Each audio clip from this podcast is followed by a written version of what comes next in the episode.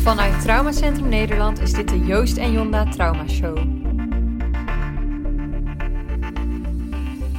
Goedemorgen Jonda, we zitten we weer op de vroege zaterdagochtend. Ja, dat is ons favoriete tijdstip, hè? Ons favoriete tijdstip. Wij hebben twee weken geleden, ook ongeveer op dit tijdstip, hebben wij uh, Else Mieke geïnterviewd. Over haar posttraumatische stressstoornis en de behandeling die ze daarvoor uh, heeft gekregen. Nou hebben we het laten voorluisteren aan vrienden en familie. En de kritiek was dat we er te veel vaktermen in gebruiken. Dus hebben we alles weer omgegooid. Jonna? Ja, dat klopt. Komt dat is, voor. Ja, ik wou net zeggen, structuur is niet ons beste ding. Maar die vaktermen was niet de enige feedback, hè? Er werd ook nog verteld dat ik wel erg hoog in mijn emotie zit. En ik wel heel soft en te empathisch. Ja. Nou nemen we die kritiek heel serieus. Mhm. We werken ook aan onze persoonlijkheidsontwikkeling op dat gebied en journalistieke vaardigheden. We kunnen niet alles tegelijk. Maar in deze podcast willen we vooral wat termen gaan uitleggen. Ja, zodat in ieder geval de termen die we gebruiken en die ook gebruikt worden in de podcast met Els en Mieke, dat die helder zijn en voor iedereen te begrijpen. Precies.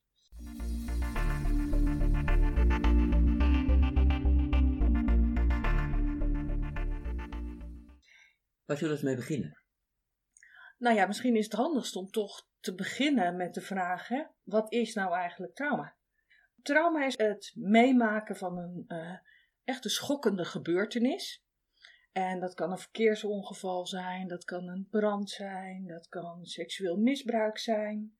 Of een op opeenstapeling van dingen die misschien ieder op zich niet zo heel erg uh, schokkend zijn, maar als het bij herhaling voorkomt, wel schokkend worden. En dan denk ik bijvoorbeeld aan, uh, nou ja, aan pesten uh, en dat soort zaken. Ontstaan er traumaklachten, dus klachten ten gevolge van wat je hebt meegemaakt, als de gebeurtenis niet goed verwerkt wordt of niet goed een plek krijgt, uh, nou ja, in je geheugen. Ja, en dat kan met allerlei dingen te maken hebben. Ja. En soms zijn de gebeurtenissen zo extreem heftig, uh, ja, dan, nou ja, dan snapt eigenlijk iedereen dat je daar klachten van kan krijgen, denk ik.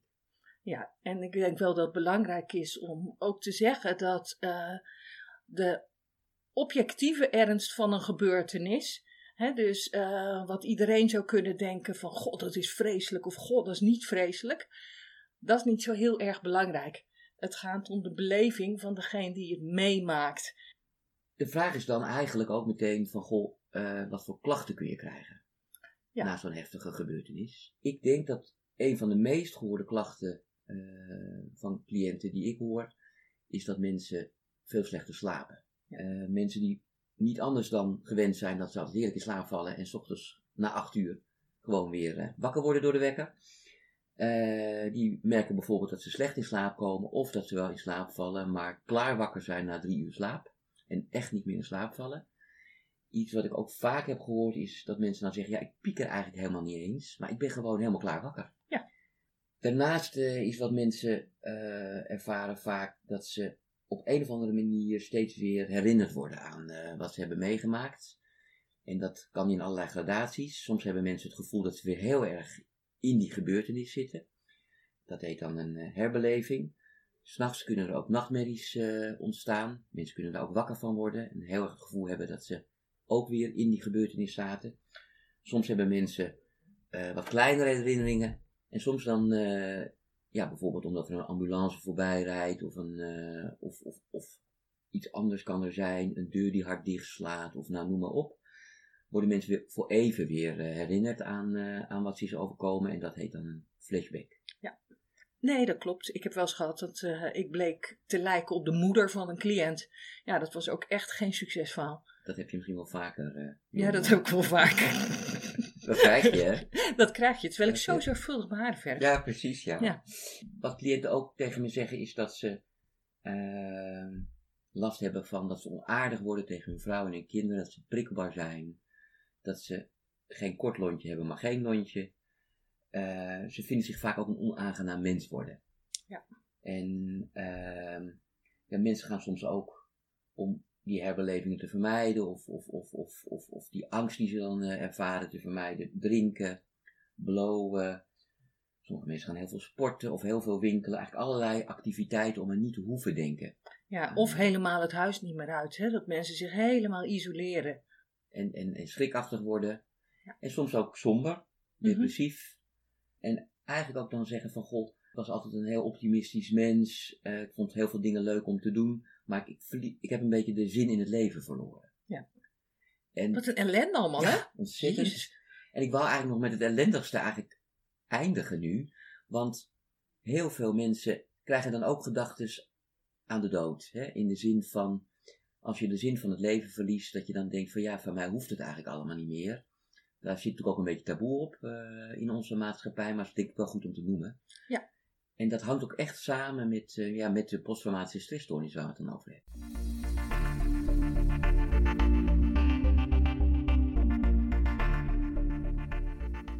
We hebben het gehad over, eh, over de klachten die je kan krijgen. Mhm. Misschien goed om te zeggen dat niet iedereen alle klachten krijgt. Hè. Nee, je hebt niet altijd het hele pakketje, gelukkig. Gelukkig eh gloort er ook, ook, ook licht aan de horizon, Jonna. Hè. Ja, gelukkig wel. Dan zijn denk ik twee behandelmethodes, psychologische behandelmethodes, op dit moment de meest belangrijke eh, die toegepast worden.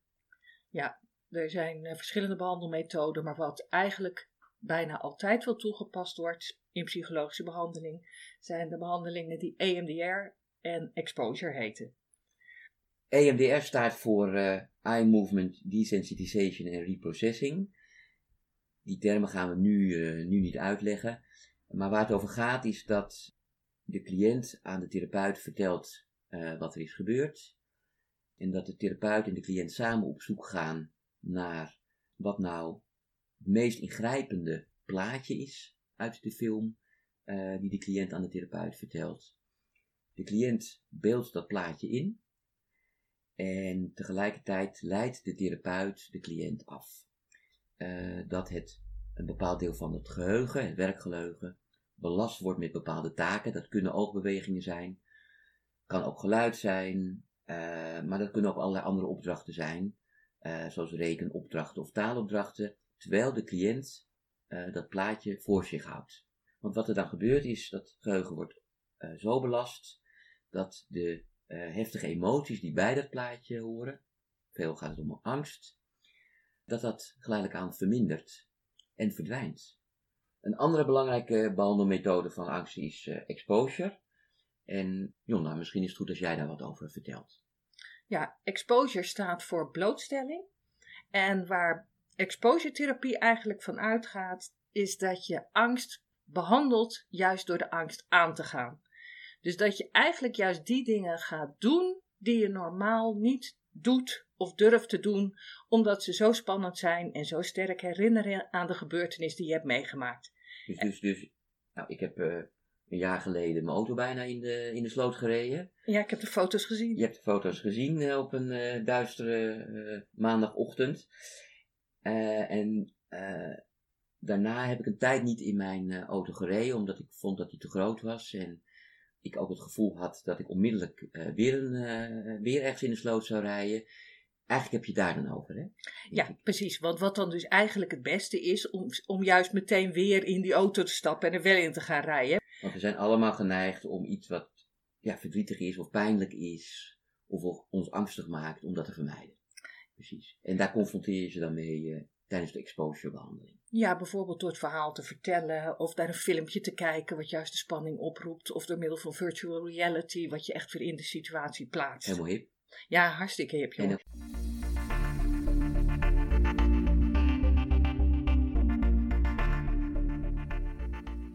Ja. Hey, misschien is het ook goed om, eh, om nog iets te zeggen over eh, medicatie. Eh, ja, veel mensen die ik zie, maar dat is natuurlijk logisch, die gebruiken ook allerlei medicatie. Want nou, als je slaapklachten hebt, dan is de kans natuurlijk heel groot dat je slaapmedicatie krijgt voorgeschreven. Als je overdag heel angstig en gespannen bent, is het ook logisch dat je overdag iets daarvoor voorgeschreven krijgt. Of als je somber bent, langere tijd, dat je een antidepressivum krijgt voorgeschreven. Misschien is het goed om te zeggen dat eh, medicatie soms voor een tijdje wel wat ondersteunend kan zijn, maar in wezen zijn de psychologische behandelingen het allerbelangrijkste. Eh, en ook met name bedoeld om, eh, als die psychologische behandelingen aanslaan, om die medicatie ook snel weer af te bouwen. Ja. Of soms zelfs eh, voorafgaand aan die psychologische behandeling de medicatie te stoppen. Omdat als je een beetje suffig bent, of een beetje sloom bent overdag, dan helpen die psychologische behandelingen niet. Precies.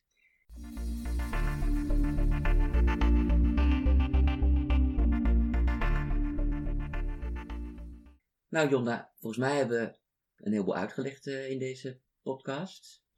Ja, en hebben we het hopelijk nu wel begrijpelijk gemaakt? En gaan we toch niet ineens bedenken dat we weer iets anders gaan doen? Oh my god, nee. Echt niet, gewoon. Dus de volgende podcast is echt een podcast waarin wij Else Mieke interviewen over haar posttraumatische stressstoornis. En haar succesvolle behandeling. Tot de volgende keer.